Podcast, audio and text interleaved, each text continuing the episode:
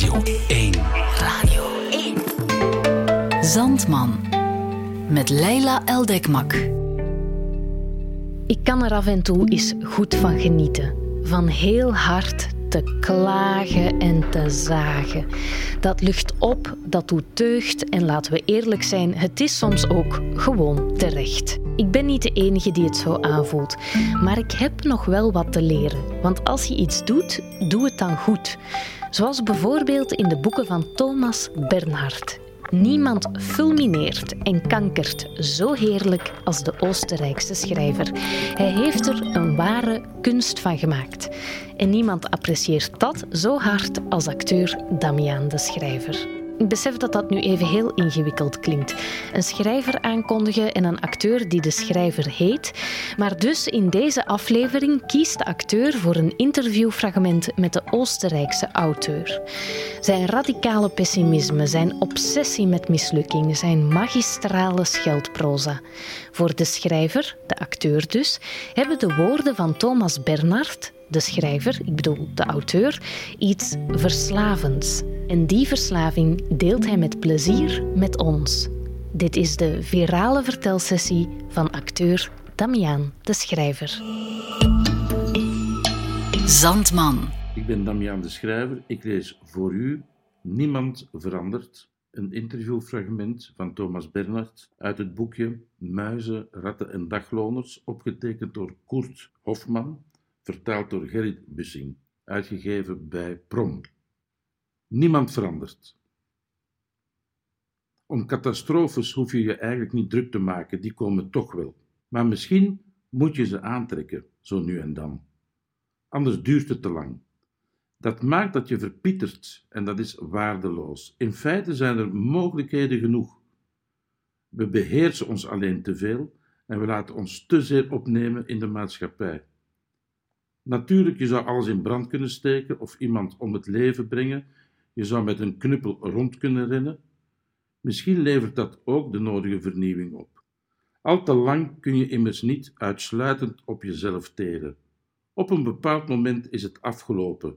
Na een tijdje is de zak leeg. Maar of ik nu in Olsdorf zit of in een stad, dat doet er niet toe, want daar zit je ook alleen als je niet zelf in beweging komt. Zo kun je ook in Bochum of Wuppertal zitten of ergens anders waar 10 miljoen mensen wonen. Niemand bemoeit zich met je als je niet zelf in beweging komt. Als ik weg ben, verlang ik hartstochtelijk naar de rust hier. En ik ben ook heel gelukkig als ik hier naartoe ga.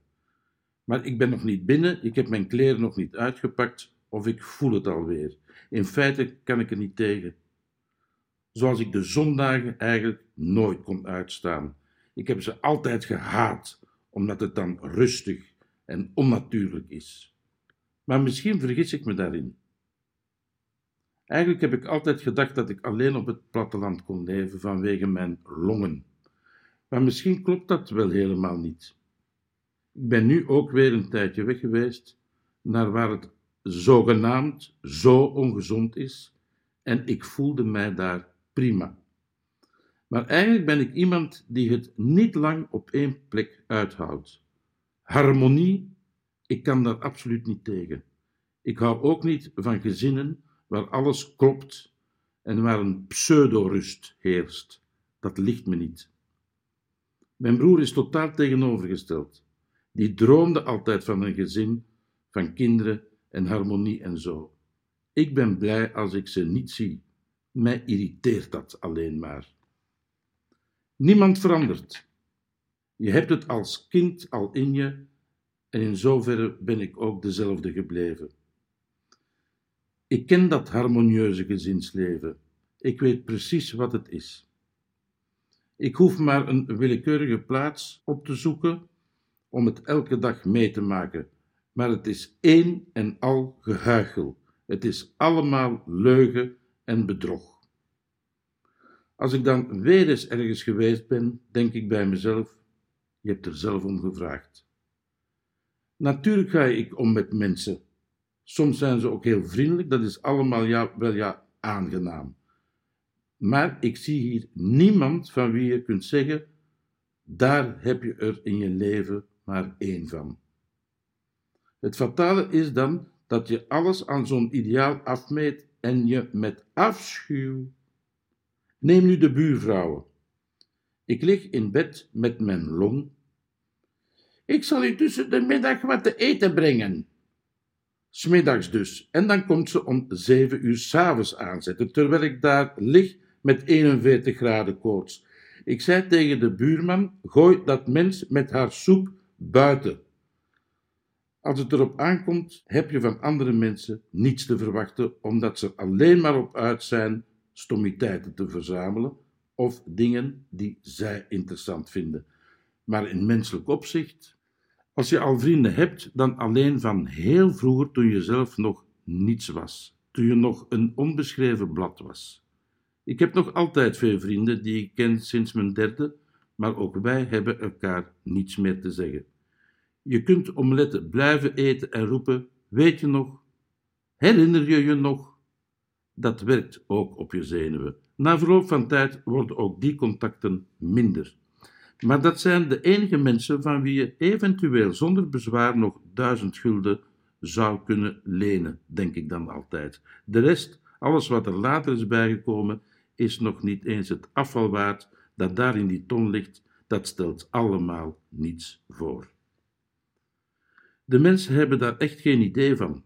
Alles is even oppervlakkig. En dan diepen ze ergens twintig zinnen op die ik over de plaatselijke politiek heb gezegd, ook al heeft dat er niets mee te maken, maar verder kijken ze dan niet.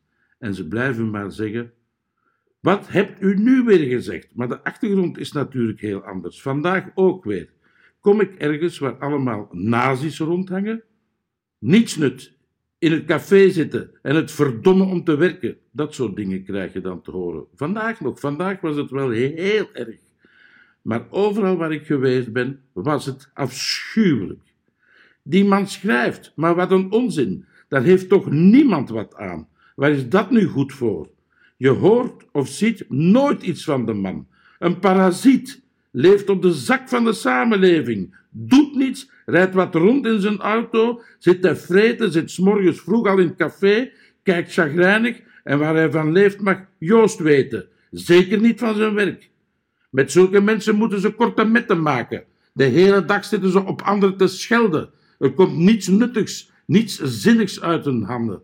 Ze spelen alleen maar toneel en ze leven van dat toneelspelen en anderen maken ze wijs dat dat iets voorstelt. Dat hersens en intellect iets voorstellen. Maar bewijs dat maar eens. Ik heb niemand, dus ik weet hoe het gaat. Ik heb bijvoorbeeld niemand op wie ik me zou kunnen verlaten die er zou zijn als ik iets nodig zou hebben. Op het ogenblik kan ik nog niet eens een werkster bij me in de buurt hebben. Soms ontmoet ik iemand die heel vriendelijk is, maar die is dan meteen weer vertrokken. Maar in Wenen, het idee om naar Wenen te gaan en dan, dat is niets voor mij. Ik heb ook altijd alles zelf gedaan. Ik heb mijn hele leven nog nooit een secretaresse gehad of zoiets. Ik heb nog nooit ook maar één regel van mijn correspondentie door iemand anders laten schrijven. Mijn grootvader had altijd van die glanzend postpapiersecretaresses, hoewel hij zogenaamd niets bezat. Maar hij gaf er handenvol geld aan uit. Dat heb ik nooit gewild. Ik blijf mijn correspondentie op van dat goedkope vloeipapier afwikkelen. Basta. En wie dat niet aanstaat, de pot op. Stel je voor dat je echt zo'n nukkig meisje zou hebben om alles voor je uit te typen, te schrijven, te ordenen. Ik heb dat bij Zoekmaier een keer gezien. Die had daar speciaal een kantoor voor. De hele benedenverdieping stond vol met lightsordners, met zijn correspondentie met lezers op alfabetische volgorde, tienduizenden neem ik aan. Hij had twee mensen die dat permanent bijhielden en ordenden. Daar hoef je bij mij niet mee aan te komen, want ik wil daar niets mee te maken hebben. Het gaat niet. Vaak heb je ook met mensen te maken van wie je zou willen dat ze onmiddellijk weer ophoepelden. Maar meestal beland je toch in zo'n situatie waarop de spreuk van toepassing is: In de nood vreet de duivel vliegen. Zo zien de meeste situaties eruit.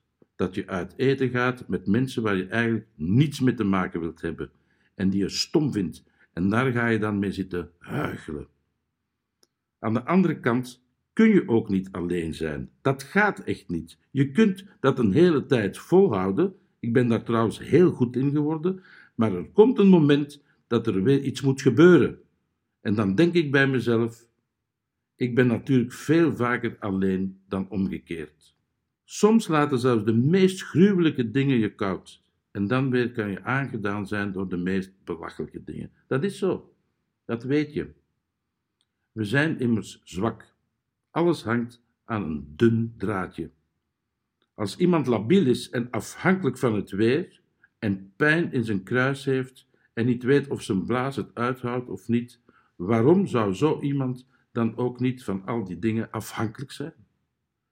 Dan ben je immers aan al die dingen overgeleverd. En wie slaapt, slaapt slecht, en is ijdel, en gemeen, en bruut, en zacht, en gevoelig, en wat al niet meer. En hoe je het ook bekijkt, al die dingen gelden ook voor mij. Ik heb alle mogelijke relaties met mannen en vrouwen gehad die je je maar kunt bedenken. Wat zal ik u daarvan zeggen? Dat alle mensen totaal verschillend zijn en dat je met de methode waar je de een benadert bij de andere de mist in gaat. Dan moet je gewoon weer een andere methode zoeken. En als je die zoekt, zul je haar niet vinden. Zoiets heb je of heb je niet. Een raster waar alles op commando doorheen valt, bestaat niet. Je voelt je gewoon tot iets aangetrokken of niet. Iets trekt je aan of het trekt je niet aan, enzovoort enzovoort. Of dat nu een vrouw of een man is, uiteindelijk maakt dat ook niets uit. Die situatie zou heel wat zegenrijker zijn als meer mannen het met elkaar deden. Waarschijnlijk hadden we dan ook minder last van overbevolking. Ik heb het gevoel dat mannen en vrouwen altijd alleen maar aan het experimenteren zijn. Dat vind ik. Omdat het samenleven en de verhouding tussen man en vrouw altijd eigenlijk een experiment is. Vanuit de man gezien. En geen natuurlijke manier om je uit te leven. Het is ook veel doortrapter. Niet zozeer sluw, want de vrouw is veel sluwer en in elk geval doortrapter. Omdat ik maar heel weinig met mensen samen ben, experimenteer ik altijd met veel tussenpozen, soms zelfs van maanden. Daarna experimenteer ik weer hartstochtelijk, een paar dagen misschien. Maar één enkele keer heb je van die pseudo-lustgevoelens en hoe meer je daar dan over nadenkt, hoe afschuwelijker je dat logischerwijs allemaal moet gaan vinden. Soms is het ook wel aangenaam, dan krijg je dat lichte overwinnaarsgevoel, maar dat duurt ook niet lang als je dan weer ziet dat zo'n overwinning eigenlijk op heel weinig of op bijna niets berust. Daar is niets aan te doen, hoe je het ook wendt of keert. En dan moet je weer proberen vast te stellen waaruit dat wenden en dat keren bestaat, en op die manier kom je nooit uit. Ieder mens heeft zijn eigen weg en elke weg is goed. Er zijn nu, geloof ik, 5 miljard mensen en 5 miljard goede wegen. Het ongeluk van de mensen is nu juist dat ze hun weg, hun eigen weg, niet willen gaan. Ze willen altijd een andere weg gaan. Ze streven naar iets anders dan wat ze zelf zijn. Want iedereen is immers een grote persoonlijkheid, of hij nu schildert of de straat veegt of schrijft. De mensen willen altijd wat anders. Dat is het ongeluk van deze wereld. Voor 98% of laten we nog een procent bij doen. Elke keer als je met iemand praat, blijkt het een idioot te zijn. Maar je blijft vriendelijk omdat je geen spelbreker wilt zijn. Je blijft met de mensen praten. Je gaat met ze uit eten en je bent lief en vriendelijk tegen ze. En in feite ben je stom omdat je je helemaal niet inspant. Dingen die je niet gebruikt, verkommeren en sterven af.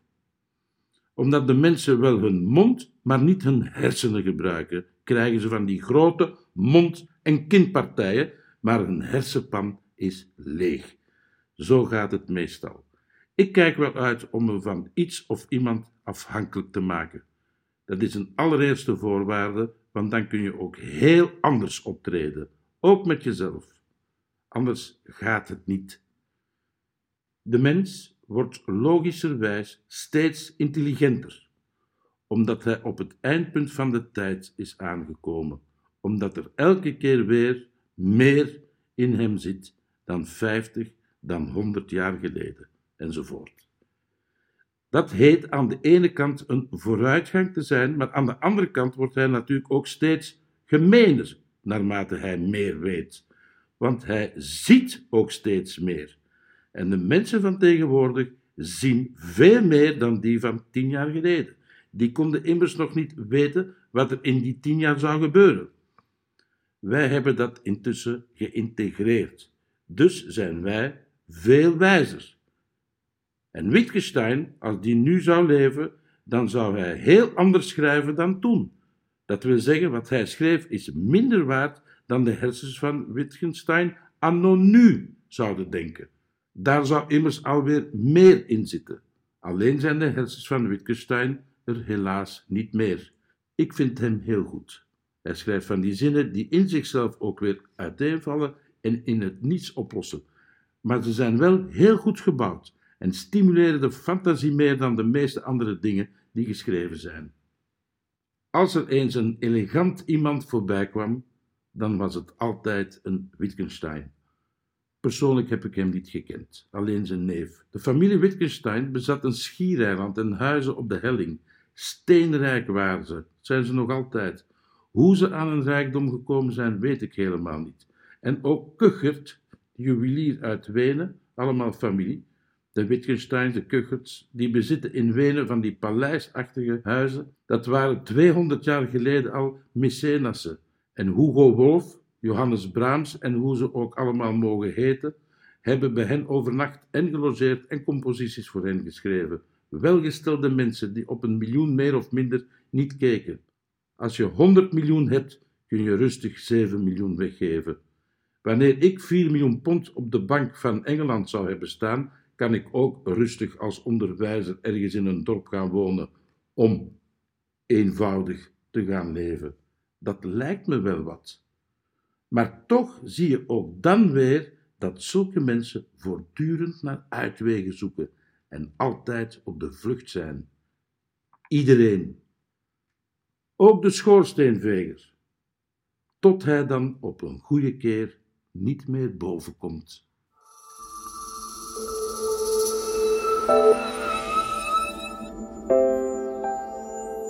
Zandman. De mooiste verhalen voor het slapen gaan.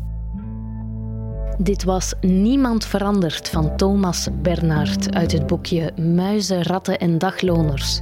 Gekozen en verslavend goed voorgelezen door acteur Damiaan de Schrijver. Deze reeks is een onderdeel van het Radio 1-programma Zandman.